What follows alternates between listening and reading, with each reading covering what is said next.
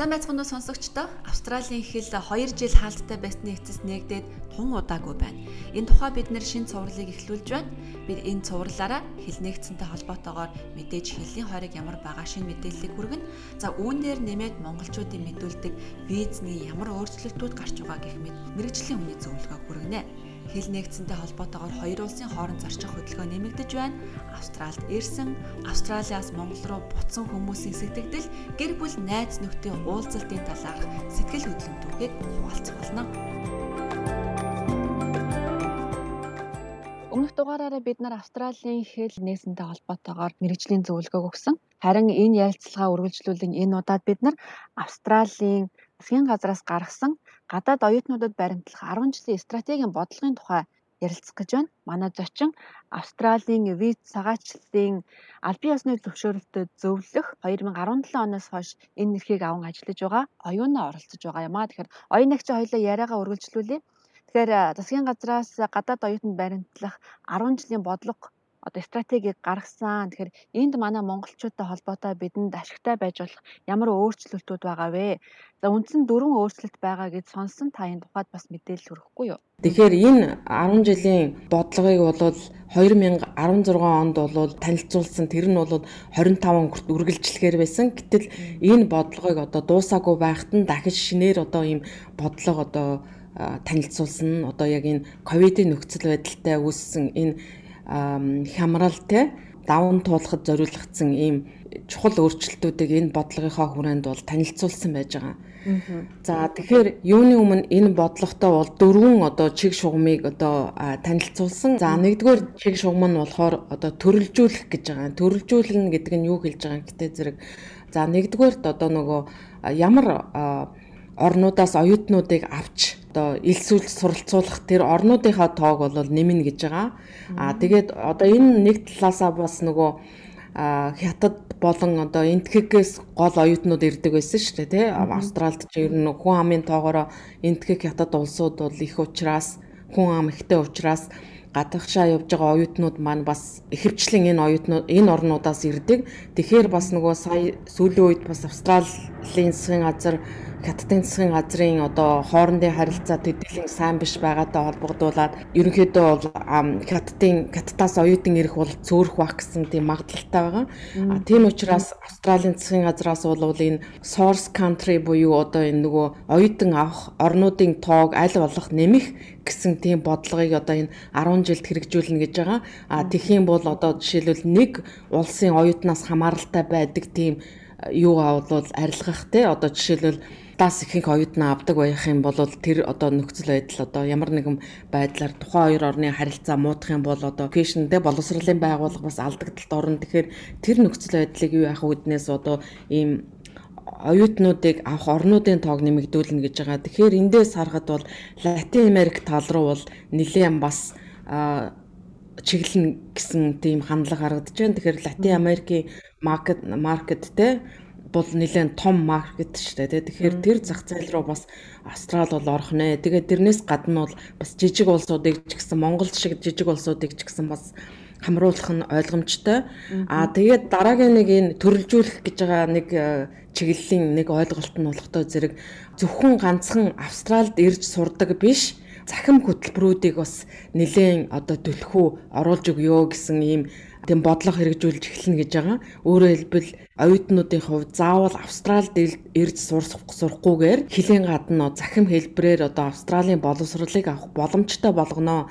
Тэгээд энэ үүднээс бол захим хэлбэрээр одоо сурах сургалтын одоо төлбөрийн хэмжээнд одоо өөрчлөлт оруулаад онлайнаар одоо олсон энэ сургалтыг бас олон улсын хэмжээнд хүлээн зөвшөөрүүлэх үүднээс бол тодорхой улс орнуудтай бас ийм гэрээ хэлцээр хийн гэж бас ярьж байгаа. Өөрөөр хэлбэл одоо оюутнуудыг онлайн одоо захимаар боловсрал олж авсан оюутнуудыг бас хохироохгүй үүднээс одоо эргэцэн орчин тий захимаар олж авсан боловсрал бас одоо одоо кампус дээр одоо энэ австрал дээр сурсан боловсралтай ижил хэмжээнд одоо ийм хүлэн зөвшөөрөгдөх тэр үндсийг нь одоо бас бий болгоно гэж байгаа.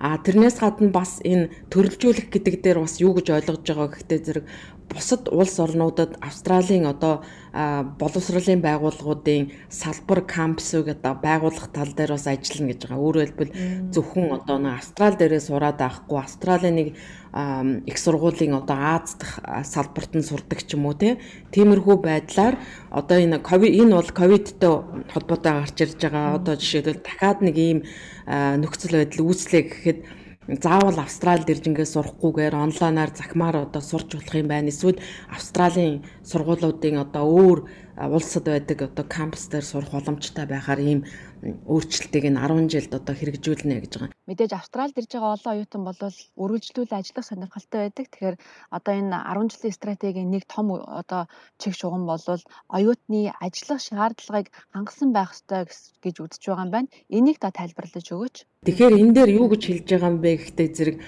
тодорхой хэмжээний оюутнууд маань төгсөөд Австралид бас байнгын орсон суугч болдог. Тэгээд ихэнх одоо оюутнууд одоо жишээлбэл ковидын өмнө ур чадварын визээр ирэхэд 30-аас 40 мянган оюутан гэр бүл болоо жилд одоо Австралийн байнгын орсон суугч одоо иргэн болох боломжтой болдог шүү дээ. Тэгэхээр юунд зориулаад Австралид ирж сурж байгаа оюутнууд маань бас Австралийн одоо нөгөө э, хөдөлмөрийн зах зээлийн шаардлагыг хангасан байх хэмжээний оюутнууд байх ёстой гэдэг тал дээр анхаарая гэж байгаа. Тэгээ энэ дээр юу хэлж байгаа гэхдээ зэрэг одоо жишээлбэл сүүлийн хэдэн 10 жилийн одоо 5 жилийн статистикийг харахад бол Австралид ирд сурж байгаа оюутнуудын ихэнх нь одоо бизнес commerce те худалдааны чиглэлээр ирд сурж байгаа оюутнууд ихэнхийг эзэлдэг юм байна. Австралийн хөдөлмөрийн зах зээлтэй бол нэг уялдахгүй байгаа хгүй. Тэгэхээр хөдөлмөрийн зах зээлтэй уялдуулахын тулд аль болохоор одоо эрүүл мэндийн чиглэлээр, инженерийн чиглэлээр, IT болоод одоо digital data дата гэдэг байгаа шүү дээ. Дата аналист одоо энэ математик, технологийн талаар ирж байгаа оюутнуудын тоог нэмэгдүүлье. Тэгээд энүүнтэй холбоотойгоор одоо өөрчлөлтүүдийг одоо оруулъя гэж байгаа. Тэгээ энэ энэ оюутнуудыг авчрахын тулд одоо ямар одоо урамшуулал байх хэвээр тэр тал дээр анхаарч ажиллая гэж байгаа. Тэгвэл бол яг ийм урамшуулал байх хэвээр ингэсэн ингэн гэсэн имийг одоогор бол акшн план болгож гаргаагүй. А гэхдээ бол мэдээж тэгэж одоо энэ бодлоготоо ингэж оруулж өгсөн нь цаашдаа бол энэ чиглэлээр ирж байгаа оюутнуудыг төлхөө дэмжих юм байна. Магадгүй энэ оюутнуудад зориулсан scholarship тэтгэлэг гарч ирж болохыг одоо үүсэхгүй тий. Тэгээд дараагийн нэг одоо энэ яригдж байгаа өөрчлөлт ихтэй зэрэг нөгөө Австралд ирээгүй байхдаа бас нөгөө Австралд шаардлагатай мэрэгчлэр сурах тэр боломжийг одоо бий болгоно гэж байгаа байхгүй юу. А тэгэхээр нөгөө төрөүний хэлжсэн шүү дээ нөгөө офшор нөгөө захимаар сурах боломжтой байна гэх тээ. Тэгэхээр одоо зарим оюутнуудын хувьд жишээлбэл ингээд ирчээд нөгөө мэрэгжлийнхаа ажлыг хийж чадахгүй ингээд өөр ажил хийдэг шүү дээ оюутнууд маань. Тэгэхээр тэр оюутнуудыг одоо нөгөө Австралийн зах зээлд хөдөлмөрийн зах зээлд эренгүүтээ одоо тодорхой хэмжээгээр хувь нэмрээ оруулаад тодорхой хэмжээгээр шууд одоо зах зээлд ингээд ажиллах боломжтой байлгах үүднээс эрхээс нь өмнө одоо жишээлбэл за одоо би нэг жилийн дараа одоо Австрал руу ингээд явах гэж байгаа маа гэж байгаа оюутан болвол за ямар одоо курс төгсчөөд би очих юм бол шууд ажил олох боломжтой юм бэ гэдэг дээр одоо тэр курсыг нь төгсчөөд ирэх юм бол шууд ажиллаа олоод ингээд бас тий а юу явах боломжтой гэсэн үг. Жишээлбэл одоо нэг энгийн жишээ хэллээ гэдэг хэрэг чи одоо Aged K гэж тэгдэг шүү дээ. Aged K сектор бол Австрал одоо нөгөө настан асрах тийм үйлчлэгээ бол нэлээд одоо хэрэгцээтэй ийм үйлчлэгээ болоод байгаа. Тэгэхээр энэ дээр бол заавал нөгөө сертификат 3-та хүмүүстэй ажиллах хэрэгтэй байдаг. Гэхдээ одоо тэр сертификат 3-ыг нөгөө эрхээсээ өмнө авчаад тэгээд нөгөө оюутны өөр сурж байгаа ч гэсэн өөр курс сурж байгаа ч гэсэн сертификат 3-ыг нөгөө эрхээсээ өмнө авсан хүмүүс чинь эренгүүтээ бас тэр талын ажил хийгээд боломжтой болчих ч юм уу те. Ингээд энэ маягаар одоо нөгөө гадаадын оюутнууд бол бас Австралийн хөдөлмөрийн зах зээлд одоо хэрэгцээтэй тэр боловсрал дээр ур чадварыг нь эзэмсэн байх тал дээр анхаарна гэдээ ингэж оруулж өгж байгаа. Австралид ирсэн гадны оюутнууд яг Австралийн амьдралын цөмд нь орж чадахгүй байна гэсэн ийм мэдээлэл өгдөг. Тэгэхээр энэ талаар бас стратеги барьж байгаа гэсэн та энэ тухай тайлбарлаж өгөөч. За тэгээд гурав дахь зарчим нь болохдоо зэрэг students at the center гэж байгаа. Энэ болохдоо зэрэг оюутнуудыг бол ер нь гол төвд нь одоо байлгана гэж байгаа. Тэгэхээр энэ дээр нөгөө гадаадын оюутнуудыг Австралид ирэхэд нөгөө аль болох Австралийн доод community те одоо Австрали хүмүүстэй ойртуулах тал дээр ажлуудыг хийе гэж байгаа юм. За тэгэхээр тэр нь юу юм гэхтэй зэрэг одоо ингээд судалгаа ингээд өгөхөд бол гадаадын оюутнууд бол Австралид ирээд бол яг өөрсдөлтөөгөө хоорондоо харилцаад ингээд өөртөө community үүсгээд тэгээ яг Австралийн юу руу бол ордгоо те. Одоо манай монголчуудын хувьд ч гэсэн тийм байдаг шүү дээ нэг хоорондоо яг ингээ найз нөхдөөрөө ингээ үүсээд яг Австралийн community руу ордгоо.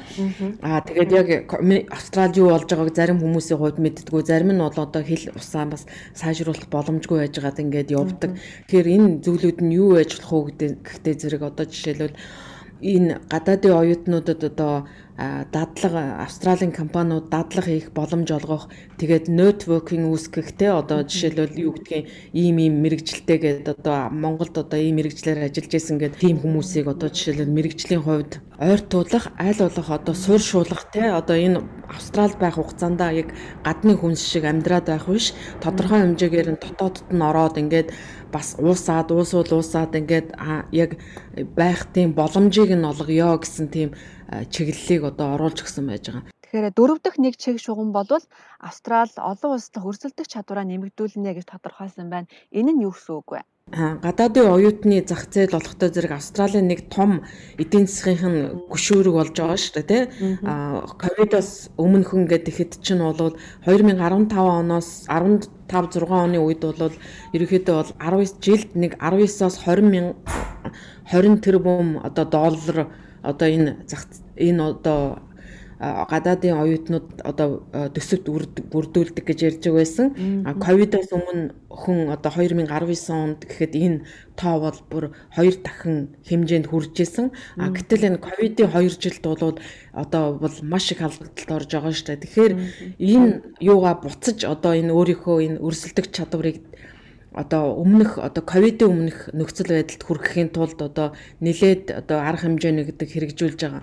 За тэгэхээр энэ хэрэгжүүлж байгаа арга хэмжээнүүдийн нэг нь болохтой зэрэг энэ яг энэ боловсролынхаа байгууллагуудад бол засгийн газраас бас тэтгэлэг датаасуудыг өгнө гэж байгаа.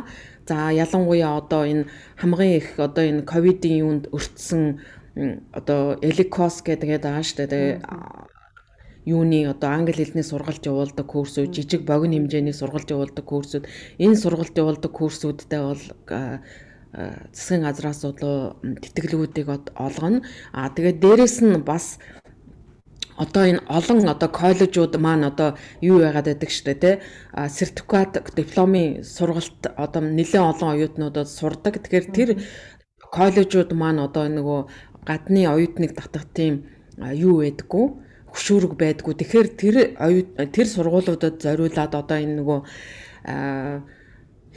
юугаас хамаарахгүйгээр мэрэгжлээс хамаарахгүйгээр одоо төгсгчийн виз авах боломжийг одоо энэ оюутнуудад олгож байгаа. Өөрөөр хэлбэл одоо энэ 2000 21 22 онуудад одоо энэ коллежуудад элсэж орсон оюутнуудын хувьд бол төгсөөд бол 2 жилийн градуэт виз авах боломжтой болж байгаа. Энэ бол том маш том одоо юу болж байгаа шүү дээ тий гадны оюутныг одоо татах тийм хөшүүрэг олж өгж байгаа гэсэн үг. Тэгэхээр энэ бол хуучин байдгүй байсан тийм том хөшүүрэг. Аа тэгээд дээрэс нь бас энэ нөгөө хуучин бол 1.6 жилийн юм виз олгодог байсан бол одоо бол 2 жилийн виз олгохоор ярьж байгаа энэ оюутнуудад. Аа тэгээд дээрэс коллежийн оюутнуудад тийм. Аа дээрэс нь бас нөгөө урьдчилсан skill assessment буюу тэр нэг ур чадварын үнэлгээ хийх шаардлагагүй болно. Тэгэхээр тэр бол бас том хөнгөлөлт. А харин англи хэлний шаардлагын хувьд бол одоохондоо ямар нэгэн мэдээлэл байхгүй байгаа. А одоогийн журмаар бол энэ төгсгчийн виз мэдээлэх хүмүүс маань англи хэлний оноо 5 одоо тест үзүүлэлт болгон дээр 5 а тэгээд дундаж оноо нь бол IELTS-ийн 6 байх хэрэгтэй байдаг шүү дээ. Тэгэхээр энэ англи хэлний хувьд бол энэ өөрчлөлт орох уу гэдэг дээр одоогор бол тодорхойгүй байгаа.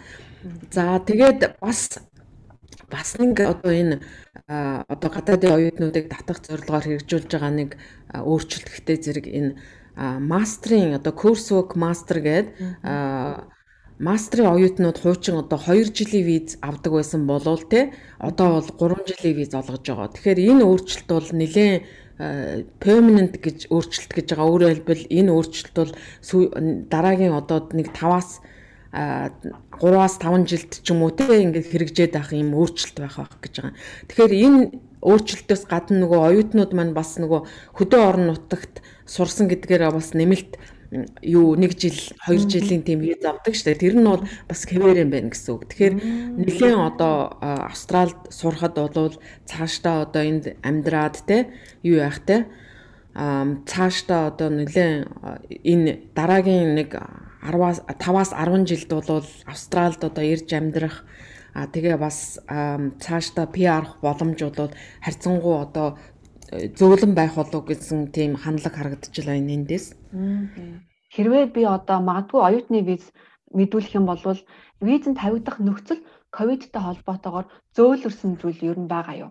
За тэгэхээр визэнд тавигдах нөхцөл оюутан одоо визитер визний хувьд бол яг журмандаа бол тийм зөөлрсөн юм байхгүй. Гэхдээ нөгөө ихэнх визний шаардлага шалгуур чинь бас нөгөө тухайн визийг одоо нөгөө хилцэж байгаа тэг хянаж байгаа ажилтны одоо үзмжээс бас хамаардаг дээ тий зарим шалгууруудын хувьд бол жишээлбэл оюутнуудын сайн мэдих genuine temporary entrant гэж шалгуур байна. Одоо жинхэнэ оюутан мөн эсэхийг нь шалгадаг тий.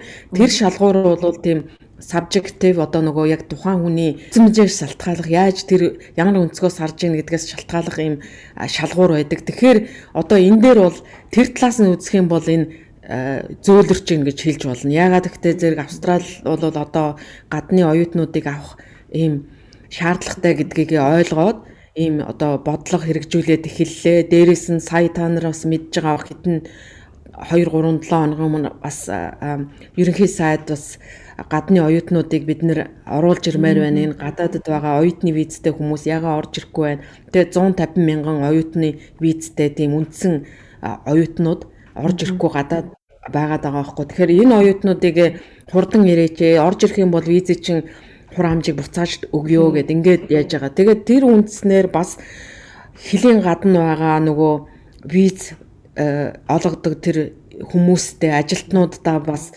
мессеж өгсөн гэж байгаа. Одоо энэ оюутны визний гаргалтан дээр анхаарья тий. Тэгэхээр юу гэсэн тэгэхээр тэр мэдээж одоо нөгөө журмандаа яг ингээд ийм байх хэвээр та нар ингэж гарах хэвээр гэсэн өөрчлөлт ороогүй ч гэсэн нөгөө цаанаас нэгэнт одоо цаанаасаа энэ оюутны визийг гаргах тал дээр анхаараарай гэсэн мессеж авсан тийм одоо юу авсан те чиглэл авсан ажилтан маань нэг хатуу хандаад авахгүй болов гэж бодож байна те. Одоо жишээлбэл нэг хуучин болол дэгдэг байсан шүү дээ те.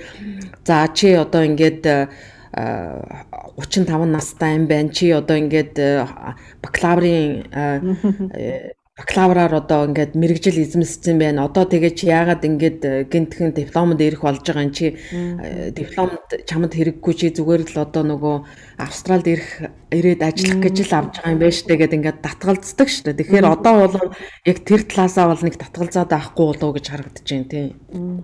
За, өстой чихэн чимэгтэй сайхан мэдээ ноёнагч маш их баярлалаа. За, баярлалаа.